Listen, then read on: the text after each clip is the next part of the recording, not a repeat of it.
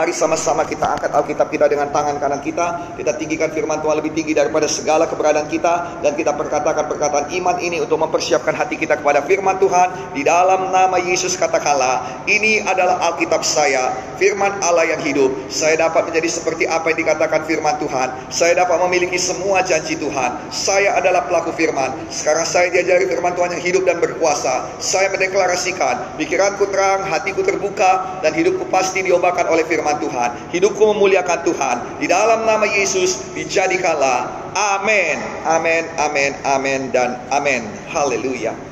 Bapak Ibu saudara-saudari yang dikasih oleh Tuhan Yesus Kristus, seperti biasanya dalam semua ibadah genap kita, kita akan mengadakannya dalam bilingual atau dua bahasa dikarenakan karena Tuhan memberikan visi untuk dapat menjangkau bangsa-bangsa kepada kita. Dan bukan hanya itu saja saat ini juga siaran kita juga dis, disiarkan di seluruh dunia dan sudah lebih daripada 40 negara yang diberkati. Oleh karena itu kita memuji Tuhan dan kita merendahkan diri lebih lagi. Dan oleh karena itu setiap minggu saya mohonkan doa saudara dan restu saudara agar saya disanggupkan untuk boleh membawakan firman Tuhan ini dalam bahasa Inggris dan juga saya mohonkan doa dan juga restu saudara bagi istri saya untuk dapat menerjemahkan bagi kita agar kita diberkati dua kali ganda dan untuk visi yang luar biasa ini kita berikan tepuk tangan bagi Tuhan Yesus haleluya Haleluya.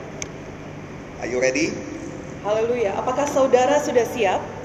are you happy Apakah saudara bersuka cita?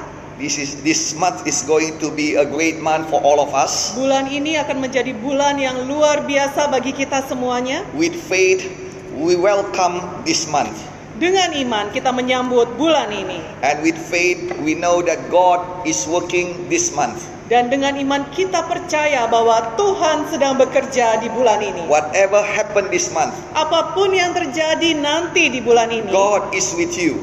Tuhan menyertai saudara. God never leaves you. Tuhan tidak pernah meninggalkan saudara. Just make sure that we will not leave God. Hanya pastikan saja bahwa bukan kita yang meninggalkan Tuhan. And if we go on astray this month, Dan kalau memang ada di antara kita yang menjauh Pak dari Tuhan pada bulan ini, quickly return and repent. Mari segera kembali dan bertobatlah. I pray that God is waiting for you this month. Saya berdoa bahwa Tuhan menantikan saudara bulan ini. And those who come back to God dan mereka yang kembali kepada Tuhan will find God, akan menemukan Tuhan, will find the presence of God, akan menemukan hadirat Tuhan, will find the work of God, akan menemukan pekerjaan will Tuhan, find the power of God, akan menemukan kuasa Tuhan. And will find the love of God. dan akan menemukan juga I kasih pray Tuhan. it will be done in your life this month. Saya berdoa itu akan dijadikan bagi saudara bulan ini. Let this month become our joyful month, Biarlah bulan ini menjadi bulan sukacita kita. our hopeful month. Bulan yang penuh dengan harapan. And we pray that God will not be disappoint us. Dan kita berdoa bahwa Tuhan tidak akan pernah mengecewakan kita. And we know that God will work this month. Dan kita tahu bahwa Tuhan akan bekerja bulan Glory ini. to God. Kemuliaan bagi We nama are going to Tuhan. listen from the Bible. Hari ini kita akan mendengarkan daripada Alkitab. We are going to listen from the Word of God. Hari ini kita akan mendengarkan daripada firman Tuhan. We must be strong through it all. Bahwa kita harus tetap kokoh melewati segalanya. You must be strong through it all. Saudara harus tetap kokoh melewati You segalanya. are not a victim. Saudara bukan korban, You are victors. tetapi saudara adalah pemenang. My, it might be looks like you are victim right now. Mungkin kelihatannya sekarang ini saudara kelihatan sebagai korban, But in 1 Peter chapter 5 verse 10 says, tapi dalam buku 1 Petrus 5 ayat 10 dikatakan this situation won't be long. Bahwa situasi seperti ini tidak akan berlangsung lama God can turn it back. karena Tuhan bisa mengubahkan situasi. God can change our situation. Tuhan bisa mengubahkan situasi kita. The tribulation has its own expiry date. bahwa pencobaan yang datang itu memiliki tanggal kadaluarsa. All of this trouble will end in the mighty name of Jesus. Bahwa semua persoalan ini akan berakhir di dalam nama Tuhan If it is Yesus. not today, Kalau bukan hari ini berakhirnya, then, then tomorrow. maka besok akan If it is berakhir. not this month, Kalau bukan bulan ini, then next month. maka bulan depan dia akan berakhir. But eventually, Tetapi pada waktunya nanti, it will not come to stay. itu tidak akan tetap tinggal pada saudara. So what we need is to hold on. Jadi apa yang kita perlukan saudara adalah terus bertahan. We must hold on to the word of God. Kita terus berpegang pada firman. We must hold on to our faith. Kita terus berpegang pada iman kita. Keep on doing good job. Terus lakukan pekerjaan yang Keep baik. on smiling. Teruslah tersenyum. Keep on hoping for the best. Teruslah berharap akan yang terbaik. Keep on doing good. Teruslah lakukan yang baik juga. Keep on fire for Jesus. Teruslah menyala-nyala untuk Tuhan Yesus. Yes, it is not easy. Ya saudaraku, memang tidaklah mudah. Nothing easy in the times of tribulation. Tidak ada yang mudah di masa-masa pencobaan. But it can be done Tapi itu bisa dilakukan. with a little bit self denial, Dengan sedikit penyangkalan diri kita. with a little bit more effort. Dengan sedikit lebih banyak pekerjaan usaha Yes, kita. we can do it. Ya, kita bisa Because the. Bible says Karena Alkitab mengatakan it won't exceed our strength. tidak akan pernah melebihi kesanggupan All kita. the troubles that come together, Semua persoalan yang datang bersama-sama ini, all the tribulation, semua pencobaan ini, all that oppression and depression. Semua tekanan dan depresi ini come together. datang bersama-sama. Will not exceed the power in us. tetapi tidak akan melebihi kesanggupan kita. Plus, God will send His Holy Spirit Ditambah lagi, Tuhan menambahkan roh kudusnya to guarantee victory for us. untuk menjamin kemenangan bagi And my kita. Bible say also Dan Alkitab saya juga mengatakan that Lord sees us. bahwa Tuhan memandang kita. Lord sees our trouble. Tuhan melihat persoalan kita And He said dan dia berkata in the book of Exodus, dalam buku keluaran I have seen the trouble of my people. Aku sudah melihat kesusahan umatku. Maybe you think nobody cares. Mungkin saudara berpikir tidak ada yang peduli pada Nobody saudara. knows.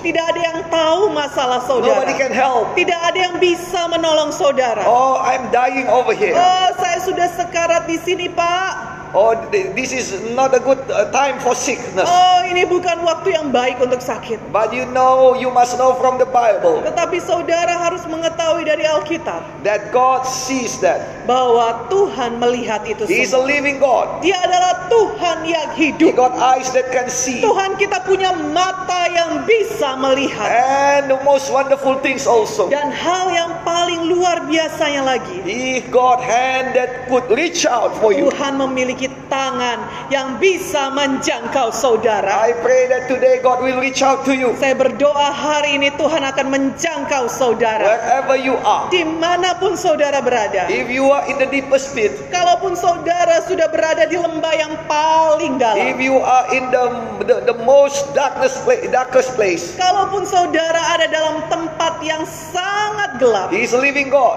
Dia adalah Tuhan yang His hidup. hand can reach upon you Tangannya bisa menjangkau saudara. And elevate you. Dan mengangkat saudara lagi. Oh, God is good. Oh Tuhan itu baik God saudara. loves you. Tuhan mengasihi God did saudara. not look to your sin. Tuhan tidak memandang pada dosa He saudara. hates your sin. Dia memang membenci dosa But He saudara. died for you. Tetapi dia mati bagi He is saudara. not died for your sin. Dia tidak mati bagi dosa He saudara. died for you. Tapi dia mati bagi To saudara. pay for your sin. Untuk membayarkan dosa saudara. To pay for the weight of your sin. Untuk membayarkan upah dosa saudara. To make His His His, his uh, justice become true in your life. Untuk membuat keadilannya menjadi nyata dalam hidup You saudara. don't need to pay for your wrongdoing. Saudara tidak perlu membayar lagi untuk kesalahan yang saudara Jesus buat. paid it all. Yesus sudah membayar He semuanya. loves you. Dia sangat mengasihi He sees saudara. you. Dia memandang And my saudara. Bible said it is not stop right there. Dan Alkitab saya mengatakan tidak berhenti di situ. He is coming for you. Tetapi dia juga datang bagi saudara. In the book of Exodus it says, so that's that's why I'm coming down to deliver my people. Itu sebabnya dalam buku keluaran dituliskan bahwa aku akan turun untuk membebaskan umatku. He is coming down for you. Dia datang turun ke bumi ini untuk saudara. He's coming down for me. Dia datang ke dunia ini untuk saya. Who am I? Who you are? Siapa rupanya kita saudara? Siapa rupanya saudara? God loves you so much. Tuhan sangat mengasihi And saudara. when He works, Dan ketika dia bekerja, He will success success in His work. dia akan berhasil dalam pekerjaan. That's why let us all say, Itu sebabnya mari sama-sama kita katakan, I will pass this storm through. Aku akan melewati semua badai ini. Amen. Amin. Let us all say, Mari sama-sama kita katakan, I am a victor. saya adalah pemenang.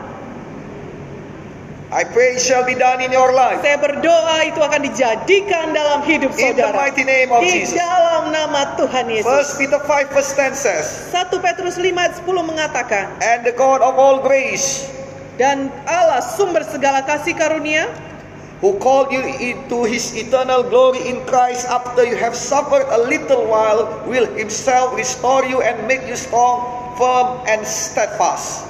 dalam Kristus kepada kemuliaan yang kekal akan melengkapi, meneguhkan, menguatkan dan mengokohkan kamu sesudah kamu menderita seketika lamanya. Yes, in Amin. this world we have tribulation. Iya, memang dalam dunia ini kita akan mengalami namanya pencobaan. But in John chapter 16 verse 33 it says, Tapi dalam buku Yohanes 16 ayat 30 eh, 63 33. 33 It says that be a good cheer. bersukacitalah, Be, be, uh, uh, uh, uh, kuatkan hatimu. kuatkan hatimu. Yes, be a good cheer. Kuatkan hatimu. Because I already overcome the world. Karena aku sudah mengalahkan dunia. Our God is a winner. Tuhan kita ini adalah pemenang, Our saudara. God is a victor. Tuhan kita adalah juaranya. If your father is a rich man, Kalau bapak saudara adalah orang kaya, then your life, your faith is a become a become a rich man also. maka hidup saudara, iman saudara juga Uh, uh, uh, uh, apa namanya? Uh, Oh, eh, takdir. takdir. Ya. Maksud saya takdir. Maka hidup saudara dan takdir saudara akan menjadi orang kaya juga. Now, Father God is our Father. Nah, sekarang Bapa sorgawi adalah Bapa kita. And the word of God says that I already overcome the world. Dan firman Tuhan mengatakan bahwa aku sudah mengalahkan Your dunia. father won. Bapak overcome, saudara. overcome the world. Bapa saudara sudah menang mengalahkan He dunia. is a winner. Dia adalah pemenang. He is an over- overcomer. Dia adalah yang mengalahkan He is a dunia. victor. Dia adalah juaranya. That's why Itu sebabnya your faith nasib saudara is to become a victor. adalah untuk menjadi pemenang. Satan try to deceive you, Setan berusaha keras saudara untuk make- menipu saudara. to make you see how big Goliath is, Untuk membuat saudara melihatnya, wah besar sekali Goliatnya. how big is the crisis. Oh, besar sekali krisisnya. But today, know it by heart. Tapi hari ini ketahuilah dalam hati You saudara, are victor, saudara adalah pemenang. and nothing shall defeat you. Dan tidak ada yang bisa mengalahkan saudara. Just be a good cheer. Jadi, ber, saudaraku cukup kuatkanlah diri saudara. Just, uh, just, just keep on faith Teruslah saudara beriman. and keep on walking. Dan teruslah saudara berjalan. God will see you through. Tuhan akan membawa saudara melalui God semuanya will ini. bring you through. Tuhan akan membawa saudara melalui semuanya ini. Amen. Amin. Last week we already see three things about problems. Minggu yang lalu kita sudah melihat tiga hal mengenai masalah. That the problems will never come in uh, the same things in every the same problem in every uh, for every people. Tidak pernah ada masalah yang sama datang kepada semua orang. Yes, the the cause is one, Ya, memang penyebabnya satu, coronavirus. virus corona. But the problem is not the same for everybody. Tetapi masalahnya tidak datang sama kepada semua orang. For one, the problem is the fear. Bagi satu orang, masalah ini adalah masalah ketakutan. For another one, it is not the fear, but he is already sick. Bagi orang lain masalahnya bukan lagi ketakutan tetapi mengenai kesehatannya karena dia sakit. For another one, he is not sick but he lost his job. Bagi yang lainnya masalahnya bukanlah penyakit tetapi karena dia kehilangan pekerjaannya. But for another one, it is not he is lost losing his job but he must work twice as hard as before. Bagi beberapa orang lainnya bukan masalah kehilangan pekerjaan tetapi dia harus kerja dua kali lebih keras lagi. For another one, it is not about the job, but about the job, but it is about the payment. He got uh, his payments got cut.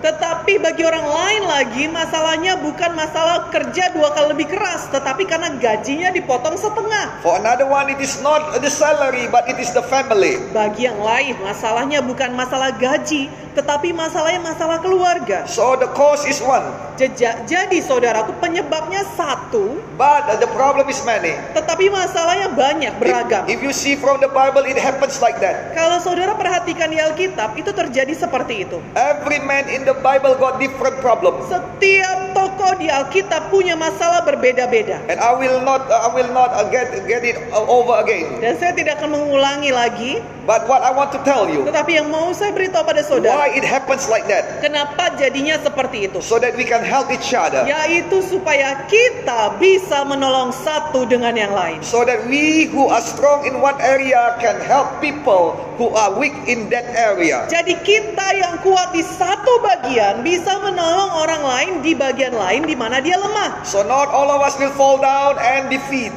Jadi tidak serentak kita semua jatuh dan dikalahkan. If you know that all, if, if just imagine if all of us have the money problem, Coba saudara bayangkan ya kalau misalnya kita semuanya punya masalah yang sama, misalnya masalah keuangan. who is going to help us? Siapa yang akan menolong kita? If all of us get get the sickness problem, Kalau semuanya kita punya masalah yang sama itu masalah kesehatan, who, penyakit. who is going to take care of us? Siapa yang akan merawat kita? Even the doctor is sick. Bahkan dokternya misalnya sakit juga. The one that the one that's supposed to take care of us is sick also. Yang seharusnya merawat kita ternyata sakit juga. There's no help for us. Maka tidak akan ada pertolongan bagi But kita. the problem comes in, in vary. Tetapi masalah ini datang beragam. That's saudara. why we can help each other. Itu sebabnya kita bisa menolong satu dengan yang Now lain. look at your surrounding. Nah sekarang perhatikan sekeliling Is saudara. there anybody wants to get help? Apakah ada orang di sana yang butuh pertolongan? What- uh, Anybody needs your help? Apakah ada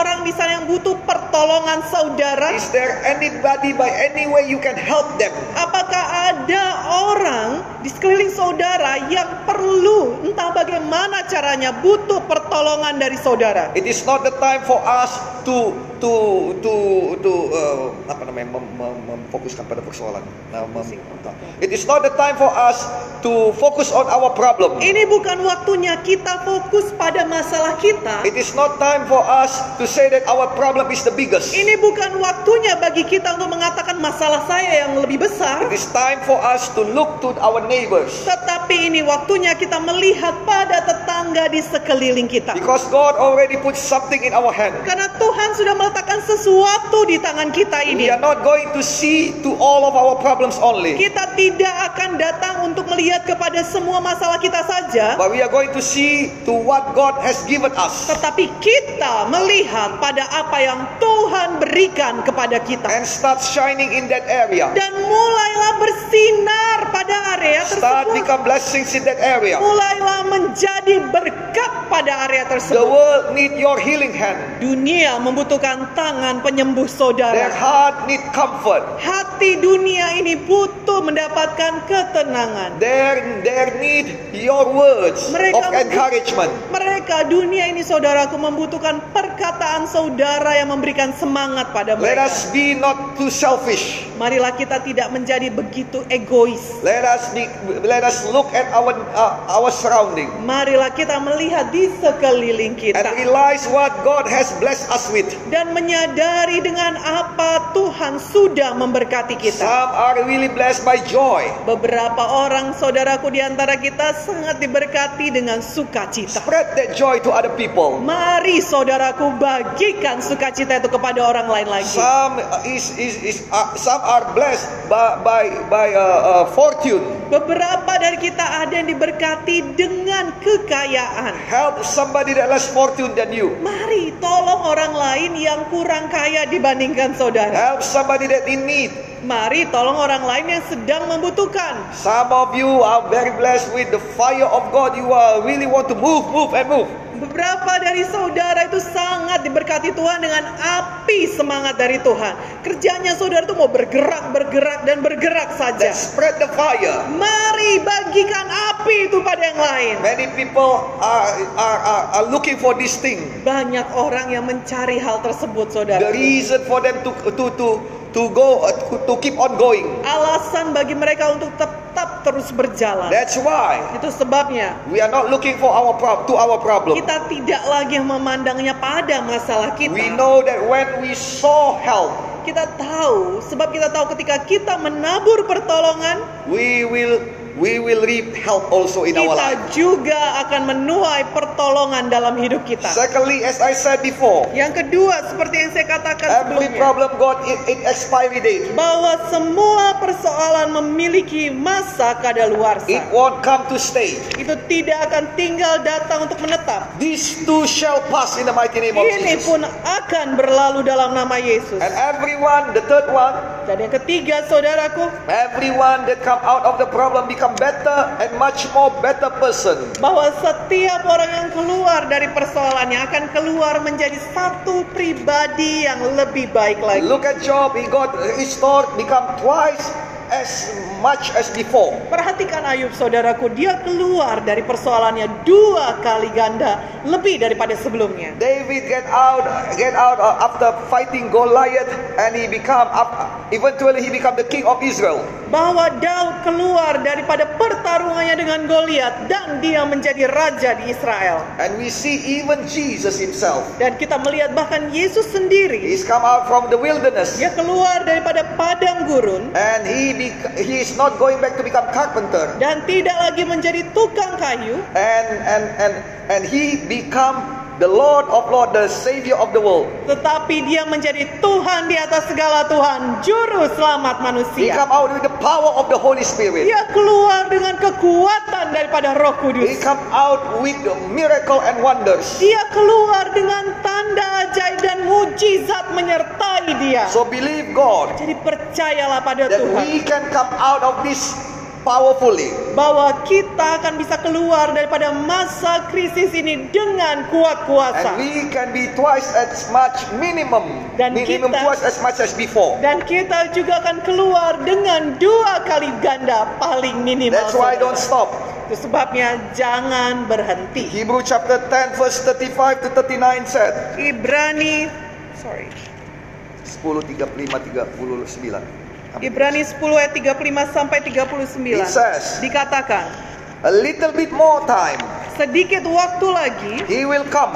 dia akan datang. He will come for you. Dia akan datang bagimu And his coming is, he will not tarry. dan kedatangannya tidak akan ditangguhkan. Nothing can stop his coming. Tidak ada yang bisa menunda kedatangan Tuhan. Psalm said when God is coming to you, Buku Mazmur mengatakan bahwa ketika Tuhan datang pada he saudara, will ride the thunder. dia akan mengendarai petir. And when he rise, Dan ketika dia bangkit, all his enemies is, is scattered. maka semua musuh-musuhnya akan terserak. The book of Psalm said, Buku Mazmur mengatakan, when the when the when, when the presence of God comes, ketika hadirat Tuhan turun, everything can happen. semua segala sesuatu bisa And it terjadi. is just a little while, a little bit only. Dan itu hanya tinggal sedikit waktu lagi. Because because because Lord will come and nothing can stop him. Karena Tuhan akan datang dan tidak ada yang bisa menghentikannya. The book of Luke chapter 18 verse 8 says, Dalam buku Lukas 18 ayat 8 dikatakan it says that when God comes, bahwa ketika Tuhan datang, he he need your faith. dia membutuhkan iman He is saudara. looking for your faith. Dia mencari iman saudara. And if he found your faith, Dan ketika dia menemukan iman he saudara, can work. dia bisa bekerja. He can work with your faith. Dia bisa bekerja dengan iman saudara. That's why just for a little bit more time. Itu sebabnya untuk waktu sedikit lagi Keep saudara. on hoping. Teruslah berharap. Keep on in faith. Teruslah dengan iman. In the book of James chapter 1 verse 12 said, Dalam buku Yakobus 1 ayat 12 Blessed is the dikatakan, man who endures temptation. Berbahagialah orang yang bertahan dalam pencobaan. For when he has approved, he will receive the crown of life which the Lord has promised to those who love him. Sebab apabila ia sudah tahan uji, ia akan menerima mahkota kehidupan yang dijanjikan Allah kepada barang siapa yang mengasihi The dia. crown of life means the changing of life. Mahkota kehidupan itu artinya perubahan hidup. It means better life. Itu artinya hidup yang lebih In baik. other translation, it says, Dalam terjemahan lainnya dikatakan, Blessed is the man who keeps on going when times are hard. Diberkatilah mereka yang terus berjalan ketika masa-masa itu sukar. When time is, is hard, Saudaraku, ketika masa-masa yang saudara lalui we ought sukar, not stop. kita tidak boleh berhenti. We must keep on going. Kita harus terus berjalan. We must keep on doing good. Kita harus terus melakukan yang baik. So this three things we already listened last week. Jadi tiga hal ini kita sudah dengarkan minggu yang lalu. That the problem is not come uh, as one problem to everybody. Bahwa masalah ini tidak datang satu kepada semua orang. Thank God we can help each other. Puji Tuhan kita bisa menolong satu dengan yang lain. And the problem have, have expiry, expiry date. Dan yang kedua, masalah itu memiliki tanggal kadaluarsa. This thing shall pass also. Semuanya ini juga akan berlalu. We will pass this storm in the mighty name of Jesus. Kita akan melewati badai ini di dalam nama And the third Yesus. things. Dan yang ketiga, When we come out, we become better than before. ketika kita keluar, kita akan menjadi lebih kuat dari sebelumnya. This week we are going to see three things about the work of God. Minggu ini kita akan melihat tiga hal tentang pekerjaan Tuhan. Yes, we have trouble. Ya, kita punya masalah. But in Rome chapter 8 verse 28, the word of God says, Tapi dalam buku Roma 8 ayat 28 firman Tuhan mengatakan, And we know that in all things God works for the good of those who love him, who have been called according to his purpose. Kita tahu sekarang bahwa Allah turut bekerja dalam segala sesuatu untuk mendatangkan kebaikan bagi mereka yang mengasihi Dia, yaitu bagi mereka yang terpanggil sesuai dengan rencana Allah. Yes, we know that God is working Ya, kita tahu memang Tuhan bekerja in the middle of Satan's work. di tengah-tengah pekerjaan setan. Yes, the trouble comes from Satan. Ya, masalah itu datangnya dari setan. The book of Job chapter 1 says so. Dalam buku sorry, Job chapter 1 says so. dalam buku Ayub 1 dikatakan demikian. It says that it says that all the sickness, all the tribulation, all the bad things come from Satan. Dikatakan di sana bahwa semua persoalan, semua cobaan, semua masalah itu datangnya dari setan. Stop accusing God for bad things. So, berhentilah saudaraku kita menuduh Tuhan melakukan hal yang And buruk. stop accusing yourself also for the bad things. Dan saudaraku berhentilah juga menuduh diri saudara yang menyebabkan atau membuat hal yang buruk jadi pada saudara. Because the book of Job says that, that many people accuse Job for the bad things. Karena pada buku Ayub dikatakan ada banyak orang menuduh Ayub lah yang melakukan hal yang buruk It is. Satan who did so. Padahal setan yang melakukan. Now resist Satan with your strong faith. Nah sekarang tolaklah setan dengan iman saudara yang kokoh. The book of Peter says so. Buku Petrus mengatakannya. And, and, and, and come out of your problem Dan keluarlah dari masalah saudara. in the mighty name of Di Jesus. dalam nama Yesus. Brother and sister, mighty name of Jesus. Bapak ibu saudara dalam nama Tuhan In the middle of the trouble, in the middle of the problem, Di tengah-tengah masalah. in the middle of the work of Di Satan. tengah-tengah pekerjaan setan. The book of Romans chapter 8, 28, just, we just read just now. Dalam ayat Roma 8 ayat 28 yang baru saja kita baca. It says that God is working. Dikatakan di sana bahwa Tuhan bekerja. God is working. Tuhan bekerja. God is working while there are problems Tuhan bekerja di di tengah-tengah to masalah make it good to all of us. untuk menjadikannya kebaikan bagi kita semua. To make it be, to to change everything to become good for all of us. Untuk mengubahkan semuanya menjadi kebaikan bagi kita yang And we percaya. must know Kita harus tahu that the work of God is greater than the work of Satan. bahwa pekerjaan Tuhan itu jauh lebih besar daripada pekerjaan So the setan. first one, Jadi yang pertama, whatever happened to you, apa pun yang jadi pada God saudara, is working for you. Tuhan sedang bekerja pada saudara. And the work of God is greater than the work of Satan in you. Dan pekerjaan Tuhan itu jauh lebih besar daripada pekerjaan setan dalam hidup Though saudara. the work of Satan say it is impossible for you to be restored. Meskipun pekerjaan setan mengatakan mustahil hidup saudara bisa dipulihkan.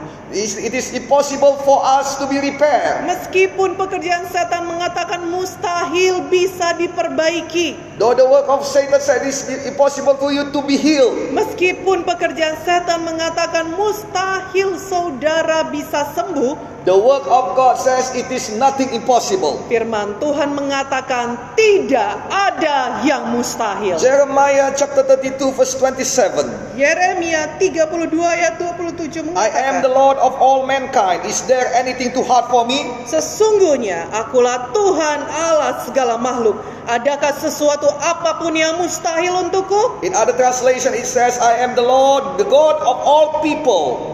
Nothing is too difficult for me. Dalam terjemahan bahasa Indonesia sehari-hari dikatakan, Akulah Tuhan, Allah semua orang, tak ada yang sulit bagiku. If you are a man, you are people. Kalau saudara manusia, saudara orang, The Lord is your God.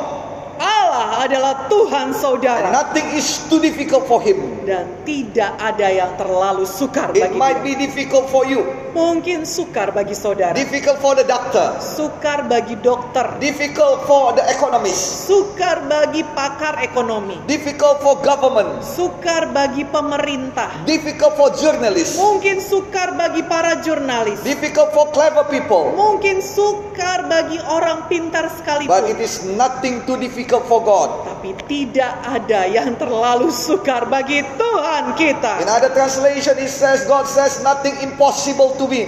Bagi ter- dalam terjemahan lainnya dikatakan bahwa tidak ada yang mustahil bagiku kata Tuhan. Nothing, really nothing impossible. Sungguh memang tidak ada yang He mustahil. is too powerful. Tuhan kita terlalu berkuasa. His power make everything possible. Kuasanya menjadikan semuanya mungkin. This is your God. Inilah Tuhan This is saudara. my God. Inilah Tuhan saya. The Lord that loves you. Tuhan yang mengasihi He saudara. will work in the area you cannot work in. Tuhan akan bekerja pada wilayah di mana saudara tidak bisa mengerjakan. He will he will open ways in the place there is no way for you. Dia akan membuka jalan di mana tidak ada jalan bagi When saudara. the trouble is too big, Ketika masalah itu datang terlalu besar, he will come and make sure that your strength will conquer the problem. dia akan datang untuk memastikan kekuatan saudara mampu mengatasi badai itu. Nothing is too difficult for him. Tidak ada yang terlalu sukar bagi He Tuhan. will come for you. Dia akan datang bagi He will saudara. come for your help. Dia akan datang untuk menolong saudara. First John chapter 3 verse 8 says, Dalam buku 1 Yohanes 3 ayat 8 dikatakan, For this purpose the Son of God was manifested that he might destroy the work of devil. Untuk inilah anak Allah menyatakan dirinya, yaitu supaya ia membinasakan perbuatan-perbuatan iblis itu. And and and the and other translation says Dan dalam terjemahan lainnya dikatakan, the Son of God appeared for this very reason to destroy what the devil had done. Untuk inilah anak Allah datang, yaitu untuk menghancurkan pekerjaan iblis. When God comes, Ketika Tuhan datang, he will destroy the work of devil. dia akan menghancurkan pekerjaan iblis. My Bible says so. Alkitab saya mengatakan It is for demikian. too long Ini sudah terlalu lama in this church di gereja ini that says that the work of devil will destroy the work of God. dikatakan bahwa pekerjaan setan akan menghancurkan pekerjaan Tuhan. And the, the sin, sin will destroy the purpose of God. Dan terlalu lama dikatakan bahwa dosa akan menghancurkan tujuan Tuhan. It's many, many, the old leaders say so. Not my father, but some old leaders say so. Beberapa pemimpin yang lama, bukan bapak saya, tetapi beberapa pemimpin yang lama mengatakan hal tersebut. That's why they don't know about the grace of God. Itu sebabnya mereka tidak mengetahui kasih karunia Tuhan. They live in the life of, of, of, of just. Mereka hidup di dalam hidup yang penuh dengan keadilan atau hukum, human justice. di dalam kebenaran atau hukum manusia. And it is not according to the Bible. Dan itu tidak berjalan seturut dengan firman Tuhan. Now listen to me. Nah, sekarang dengarkan saudara. I will get the theology straight right now. Saya akan luruskan teologianya hari ini The purpose of God bahwa tujuan Tuhan is much more greater than any work of Satan and any sin. Bahwa pekerjaan dan tujuan Tuhan itu jauh lebih besar daripada semua pekerjaan setan dan juga dosa. There is nothing, no sin, no works of devil whatsoever can cancel the purpose of God in your life. Bahwa tidak ada dosa ataupun pekerjaan setan apa pun yang bisa membatalkan maksud Tuhan dalam hidup But saudara. wait, Tetapi tunggu dulu. if you are sin, Kalau saudara berdosa, you will not achieve the purpose of God. maka saudara tidak akan bisa menerima maksud dan tujuan It Tuhan. is not because the purpose of God is broken in your life. Bukan maksud dan tujuan Tuhan yang dibatalkan atau dirusak dalam hidup It saudara. is not because the purpose of God being cancelled in your life. Bukan artinya maksud dan tujuan Tuhan itu dibatalkan dari hidup saudara. No, Tidak. But it is because you are heading the wrong way. Tetapi yang terjadi adalah saudara itu berjalan pada arah yang berbeda. You are heading to the death. Saudara sedang berjalan menuju kepada You kematian. are leaving the purpose of God. Saudara meninggalkan tujuan Tuhan di belakang. The purpose of God is not cancelled. Jadi tujuan Tuhan tidak dibatalkan. He is waiting for you over there. Dia menantikan saudara di sana. But you are heading to the wrong direction. Tetapi saudara berjalannya ke arah yang salah. God did not need second plan. Tuhan tidak butuh rencana kedua. God did not need plan B. Tuhan tidak perlu rencana plan B. He is too powerful that makes the main plan happen in this world. Bahwa Tuhan kita dia terlalu berkuasa dan mampu menjadikan tujuannya dinyatakan dalam dunia ini. If you keep doing going to the wrong direction, Kalau saudara terus saja berjalan pada arah yang salah, God will raise somebody else to change your place. maka Tuhan akan membangkitkan orang lain lagi untuk menggantikan tempat God saudara. says even he can make stones to cry out in praise and worship for him. Alkitab bahkan mengatakan bahwa dia akan membangkitkan batu-batu untuk memuji dan memuliakan nama. If you don't want to praise him. Kalau saudara tidak mau memuji dia. So what happened? Jadi apa yang terjadi? The Bible said there is one very very good words for it, Alkitab mengatakan bahwa ada satu kata yang baik untuk ini, which is repent. yaitu bertobat. Repent means turn around 180 degrees. Bertobat itu artinya saudaraku berputar 180 derajat. So when you sin, Jadi ketika saudara berdosa, you the purpose of God is not cancelled in your life. maka maksud Tuhan itu tidak dibatalkan dalam hidup saudara. Just like a father waiting for the prodigal son to coming back. Tetapi itu mirip seperti bapak yang menantikan anaknya yang bandel, anaknya yang hilang itu untuk kembali. Will you come back today? Maukah saudara kembali hari ini? You must repent. Saudara harus bertobat, Turn away from all of the sin. berbalik daripada semua dosa itu And then heading to the purpose of God. dan berjalan kepada tujuannya Tuhan. Now, Nah, sekarang you must do that is your part you must do. itu adalah bagian yang saudara harus So kerjakan. the purpose of God is the power of God Jadi tujuan Tuhan itu adalah kuasa Tuhan. greater than the power of Satan. Lebih besar daripada kekuatan atau kuasa There setan. will never be the power or the work of Satan that, that, that, that, that destroy the work of the purpose or the purpose of God. Tidak ada, tidak pernah, tidak bisa pekerjaan setan menghancurkan atau membatalkan pekerjaan Tuhan. That's why when you repent, Itu sebabnya ketika saudara bertobat, the real purpose of God, maka maksud tujuan Tuhan yang the main plan of God, rencana inti, rencana besar Tuhan that, that is still for you. masih ada bagi saudara. Now listen to me. Sekarang dengarkan saudara. Many people said, oh, if like that, Banyak orang berkata, "Oh, kalau kayak gitu, I can live in sin aku bisa dong hidup dalam and, dosa and, and, and repent again tobat lagi and live in sin again dan hidup dosa lagi and repent again dan tobat lagi and doing sin again dan lakukan dosa and lagi repent again. lalu tobat lagi. Yes, you can.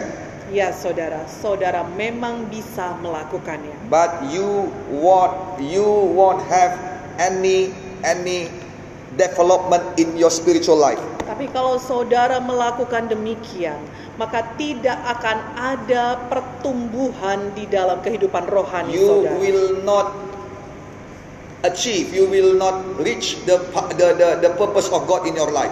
Maka saudara tidak akan bisa memperoleh maksud dan tujuan Tuhan dalam hidup Do saudara. you know that the Bible said? Apakah saudara mengetahui bahwa Alkitab mengatakan Paul said, run towards the calling of God in your life. Paulus mengatakan berlarilah menuju tujuan dan panggilan Tuhan dalam hidup saudara. Why he asked you to run? Kenapa dia minta saudara untuk berlari ke sana? Because you are not living forever, my friend. Karena saudara tidak akan hidup untuk selama-lamanya. Are you sure that you are going to live up and down, up and down, forward and backwards, forward and backwards all of your life? Apakah saudara sungguh-sungguh mau hidup naik turun naik turun maju mundur maju mundur di sepanjang umur saudara Never achieve anything in your life? dan tidak pernah bisa menerima atau mencapai apa pun dalam hidup Never saudara become blessings to other people? tidak pernah menjadi berkat bagi orang lain Always become problem to other people? selalu saja jadi masalah bagi orang Are you sure you want to live like that? Apakah saudara yakin saudara mau hidup demikian Life is about choices. saudaraku hidup ini adalah tentang pilihan Yes, God is good. ya Tuhan itu baik His grace is abundant, kasih karunia-Nya itu berlimpah-limpah but you have work to do. tetapi saudara punya pekerjaan We are untuk not dilakukan we are not going to waste the grace of God. kita tidak akan menyia-nyiakan kasih karunia Run Tuhan toward the calling of God. tetapi berlarilah menuju panggilan Tuhan Run toward the purpose of God berlarilah menuju tujuan Tuhan in your life. dalam hidup saudara That's why itu sebabnya we cannot waste any time. kita tidak bisa buang waktu That's why itu sebabnya saudara we must run. kita harus berlari Now, the first one nah sekarang yang pertama about the about the work of God. tentang pekerjaan Tuhan The work of God is greater than any work of devil. pekerjaan Tuhan itu jauh lebih besar daripada pekerjaan setan And the second one, dan yang kedua the work of God never fail. Pekerjaan Tuhan tidak pernah gagal Isaiah chapter 5, 55 verse 11. Yesaya 55 ayat 11 So shall my word be that goes forth from my mouth. It shall not return to me void, but it shall accomplish what I please, and it shall prosper in the things which I sent it. Demikianlah firmanku yang keluar dari mulutku Ia tidak akan kembali kepadaku dengan sia-sia Tetapi ia akan mengerjakan Maksud saya tetapi ia akan melaksanakan apa yang ku kehendaki Dan akan berhasil dalam apa yang kusuruhkan kepadanya This verse guarantee that the work of God will not fail. Ayat ini menjamin bahwa pekerjaan Tuhan tidak akan pernah gagal But you must understand that God works with His word. Tetapi saudara harus perhatikan dan mengerti bahwa Tuhan bekerja melalui firman-Nya. Genesis chapter 1 said, whenever He speak, it happens. Buku Kejadian 1 mengatakan bahwa apa saja yang difirmankan Tuhan, maka itu akan jadi. Whenever He got will, He will speak it out. Kapan saja dia memiliki kehendak, dia akan mengucapkannya. He got will that, that the light will shine, and then He said, let it be, there be light, and it happens. Tuhan memiliki kehendak akan ada terang, kemudian berfirmanlah dia, jadilah terang,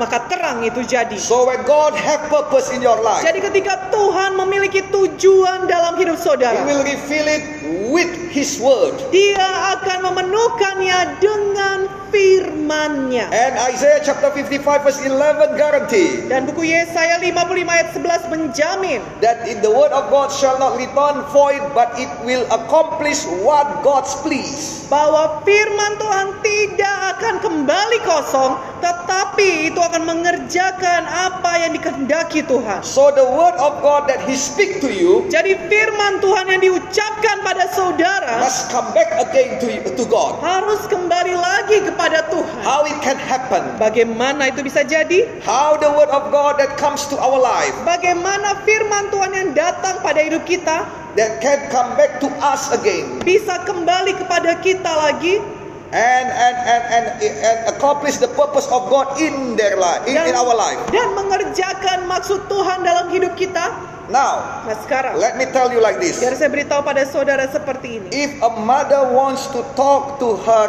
daughter, oldest daughter, Kalau ada seorang ibu yang mau berbicara kepada putri sulungnya and he said, "My daughter, dan dia berkata, "Putriku, you are already old. kau sudah cukup besar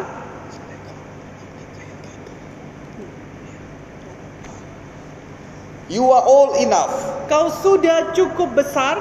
I want you to help me to clean up the house." Aku mau minta kamu untuk membantu aku membersihkan rumah. So it has purpose. The mother got purpose Jadi ibunya punya tujuan that the daughter so so that the daughter will help her sehingga putrinya mau menolong dia. and how he he uh, how he, he he he give it to the daughter Dan bagaimana caranya dia bisa memberikan kepada putrinya? by speak to the daughter Dengan cara berkata-kata kepada putrinya. my daughter Dia berkata, "Putriku, help me clean the house bantu aku membersihkan rumah." it is not good for you as a young girl Tidak baik bagimu sebagai gadis yang sudah besar, pretty young girl but have a very dirty house gadis yang sudah besar cantik tapi punya rumah yang jorok. because the first one that people see when they come in is our house Karena yang pertama kali dilihat orang ketika datang ke rumah kita adalah rumah kita So sendiri. let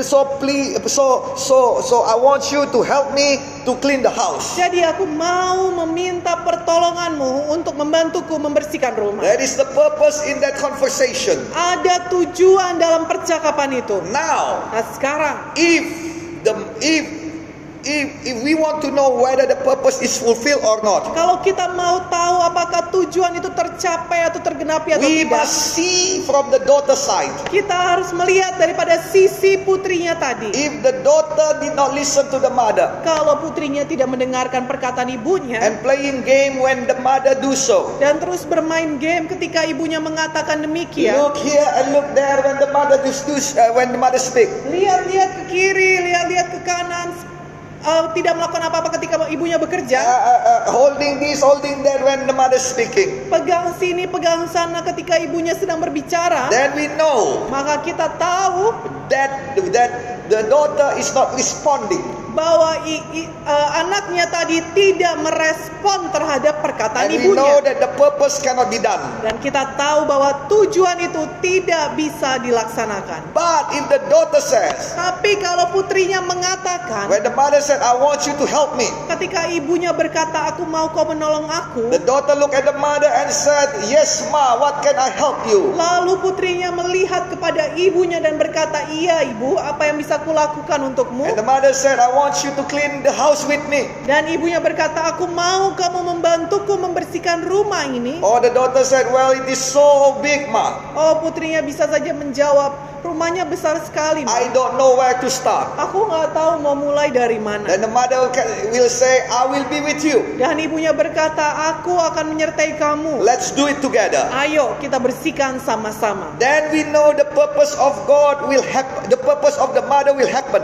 Lalu dengan demikian kita tahu bahwa tujuan ibunya tadi pasti The terjadi. same thing with God. Hal yang sama juga dengan God Tuhan. has purpose in your life. Tuhan punya tujuan dalam hidup He wants you to be prosper. Dia mau saudara hidup dalam kelimpahan. That's why he said, Give to the Lord. Itu sebabnya dikatakan oleh Tuhan beri kepada Tuhan. You must listen Saudara harus and you mendengarkan must speak the word of God. dan saudara harus ucapkan firman Tuhan. Oh, you want me to give, my Lord? Oh, kau ingin aku memberi ya Tuhan. Oh, I, I, I don't know how I, I can do it Loh, aku tidak tahu bagaimana kita bagaimana aku bisa melakukannya because I'm in need. karena aku sendiri sedang sedang dalam kebutuhan. Can you teach me? Bisakah kau mengajari aku? Then God will say to you, Maka Tuhan akan menjawab saudara, I will be with you. aku akan menyertai kamu. Let's do it together. Mari lakukan bersama-sama. Then you and God will do it together. Maka saudara dan Tuhan akan mengerjakan tujuan itu Then the bersama-sama. purpose of God will accomplish in your life. Dan tujuan Tuhan akan digenapkan dalam hidup saudara. Remember Mary when the, the when the angel of God come to her. Ingat tentang Maria ketika malaikat Tuhan datang pada The dia. angel of God give her the purpose of God. Malaikat Tuhan memberikan tujuan Tuhan pada dia. And she said, I am the servant of God. Be unto me whatever you said. Dan dia berkata kepada malaikat Tuhan itu, Aku adalah hamba Tuhan, jadilah padaku seperti yang kau firmankan. I am your daughter, Ma. Be unto me whatever you said. Aku adalah putrimu ibu Allah, jadikan padaku apa yang kau katakan itu. And it happens like that. Dan memang jadi seperti itu. Now, Sekarang it happens with God also. ini juga jadi pada Tuhan. Say amen to the word of God. Katakan amin pada firman. Because amen means be unto me whatever you said, O Lord. Karena amin artinya jadilah padaku apa yang kau katakan ya And walk with God. Dan berjalanlah The bersama work dengan of God will never fail. pekerjaan Tuhan tidak akan pernah gagal. The third one, the work of God will reveal in its time. Bahwa In his time. pekerjaan Tuhan akan dinyatakan pada waktunya. Hebrew chapter 4 verse 16. Ibrani 4 ayat 16. Let us then approach approach God's throne of grace with confidence so that we may receive mercy and find grace to help us in our time of need. Sebab itu marilah kita dengan penuh keberanian menghampiri tahta kasih karunia supaya kita menerima rahmat dan menemukan kasih karunia untuk mendapat pertolongan kita pada waktunya. So there is help in time of need. Jadi ada pertolongan pada saat kita membutuhkannya. There is restoration in time. Akan ada pemulihan pada The waktu. answer of prayer in God's time. Ada jawaban doa pada waktunya And this is Tuhan. what happened when the time is coming. Dan inilah yang akan terjadi saudaraku ketika waktunya itu tiba. Psalm chapter 128 verse 1 to 3. Yaitu Mazmur 126 ayat 1 sampai 3. When the Lord restore the fortune of Zion, we were like those who dream. Dikatakan di sana bahwa pada waktu itu mulut kita maksud saya ketika Tuhan memulihkan keadaan Sion, keadaan kita seperti orang-orang yang bermimpi. So when restoration comes, Jadi ketika pemulihan datang, we are just like people who dream. kita akan seperti orang-orang yang bermimpi, saudaraku. Whatever we dream become reality. Apa saja yang kita mimpikan selama ini akan menjadi kenyataan, Even better. Bahkan lebih baik Because the lagi. word of God says, Karena firman Tuhan mengatakan, more than you can think of, lebih daripada apa yang kamu bisa pikirkan, more than you can pray of. lebih daripada apa yang kamu doakan. It is already provided by God. Semua itu sudah disediakan And oleh God Tuhan. and God never wants whatever He provide wasted. Dan Tuhan tidak pernah mau apa saja yang sudah disediakannya itu terbuang He percuma. will give it to us. Dia akan berikan kepada kita. That's why when God then when the rest, when the time of restoration come, Itu sebabnya ketika waktu pemulihan itu datang, it is just like dreaming. itu seperti sorry. It is just like dreaming.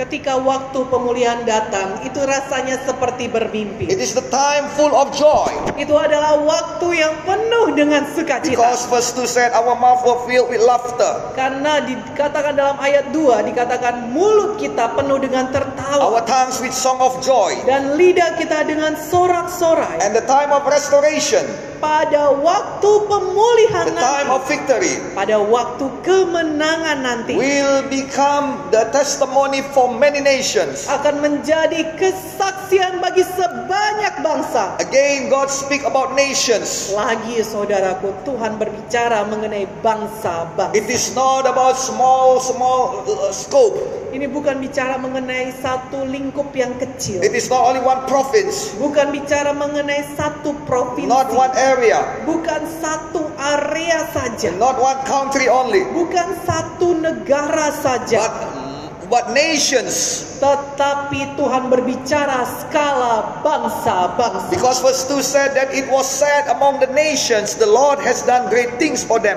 Karena dalam ayat 2, Mazmur 126 ayat 2, pada waktu itu berkatalah orang di antara bangsa-bangsa,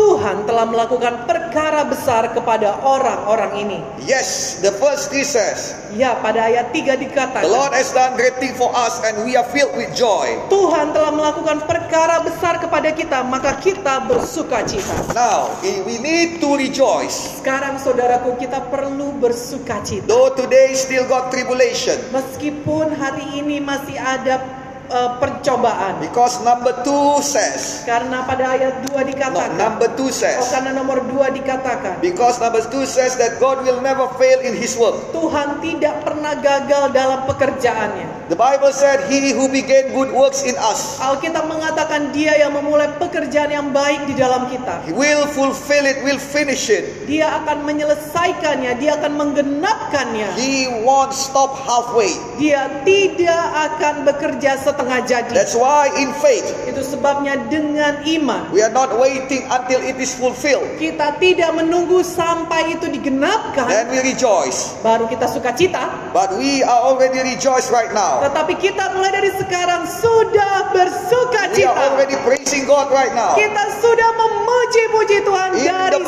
saat the mighty ini. name of Di Jesus. dalam nama Tuhan Yesus. In the in in the mighty name of Jesus. Di dalam nama Tuhan Yesus. We shall receive the work of God. Kita akan menerima pekerjaan Tuhan. Three things about the work of God. Tiga hal tentang pekerjaan Tuhan. The work of God is greater than any work of devil. Pekerjaan Tuhan itu lebih besar daripada pekerjaan setan. The work of God never fail. Pekerjaan Tuhan itu tidak pernah gagal. And the work of God will be revealed in His time. Dan pekerjaan Tuhan akan dinyatakan pada waktunya. His time is coming right now. Saudaraku, waktunya Tuhan datang, sudah datang sekarang Hold ini. on a little bit more.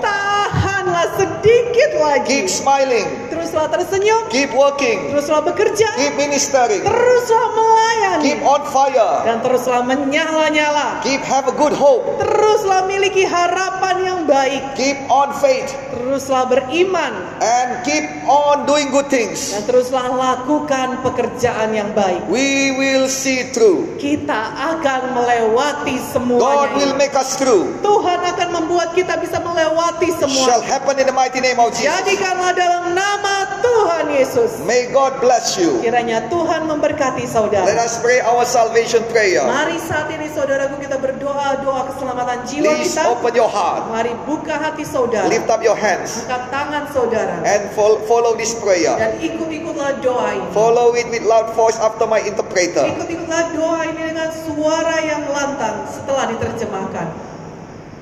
In the mighty name of Jesus, say it. Di dalam nama Tuhan Yesus katakan. Lord Jesus, Tuhan Yesus, I do believe in you. saya percaya kepadamu. Saya percaya padamu. I need you. Saya butuh engkau. Saya butuh engkau. Please come to my heart. Masuklah dalam hati saya. Masuklah dalam hati. Be my Lord and Savior. Jadilah Tuhan dan Juru Selamat saya. Jadilah Tuhan dan Juru Selamat. Forgive me my sin. Ampunilah dosa-dosa saya. Dosa-dosa saya. Wash me with your blood. Hapuskanlah dengan darah. Hapuslah dengan darah. From now on, I'm born again. Mulai saat ini saya sudah lahir baru. Mulai saat ini saya sudah lahir. I become God's children. Saya menjadi anak-anak Tuhan. Saya menjadi anak-anak Tuhan. I will follow you for the rest of my life. Saya akan ikut engkau seumur hidup saya. Saya Thank you, Jesus. Terima kasih Tuhan Yesus. In the mighty name of Jesus, we pray. Di dalam nama Tuhan Yesus kami berdoa. Berdoa. And those who believe it say amen. Dan semua yang percaya katakan bersama-sama. Amen. Amen. Amen. Amen. The word of God says, Firman Tuhan mengatakan. and I am Pastor Gideon, your pastor. Dan saya pendeta Gideon Gembala Sidang who would love saudara. to encourage you according to the word of God. Mau meneguhkan kepada saudara semua seturut dengan firman Tuhan. Those who say this prayer, Semua yang mengucapkan doa ini. you are already born again. Saudara sudah lahir Four baru. things you should do. Empat hal perlu saudara lakukan. Born again means your spirit born by the Holy Spirit. Lahir baru artinya roh saudara dilahirkan oleh roh The first kudus. one we must do Yang pertama yang perlu saudara get lakukan. yourself be baptized by water. Mari saudaraku berilah diri saudara untuk dibaptiskan air. Because the Gospel of Mark chapter 16 verse 16 says, Karena dalam buku Markus 16 ayat 16 dikatakan, those who, be, those who believe and baptize will be, will be saved. mereka yang dibaptis akan diselamatkan. Those who believe and baptize will be saved. Mereka yang percaya dan dibaptis akan diselamatkan. And secondly, Dan yang kedua, you must read your Bible. saudara harus membaca Alkitab Because the saudara. word of God is our spiritual food, Karena firman Tuhan ini adalah makanan rohani kita which make your spirit become stronger and mature, yang akan membuat roh saudara menjadi kuat dan menjadi dewasa. so that you want, so that the devil is not easily uh, defeat you. Sehingga setan tidak akan dengan mudah mengalahkan The saudara. thirdly, you must pray. Yang ketiga, saudara perlu berdoa. Discipline your life to pray, Disiplinlah diri saudara untuk berdoa. because prayer is our spiritual breath. Karena doa ini adalah napas rohani The, kita. the last one, you must find your family in Christ. Yang terakhir, yang keempat, saudara harus temukan keluarga saudara di dalam Kristus. In that case, Dalam hal ini, me and my wife, kami berdua, all of us here, kami semua yang ada di sini, would love to welcome you all. mau menyambut saudara semuanya. Welcome to our home. Selamat datang di rumah kita. Welcome to our our family, Selamat datang di keluarga the kita. Church of Victory Faith Indonesia. Gereja Kemenangan Iman Indonesia. May God bless you abundantly. Kiranya Tuhan memberkati saudara berlimpah-limpah.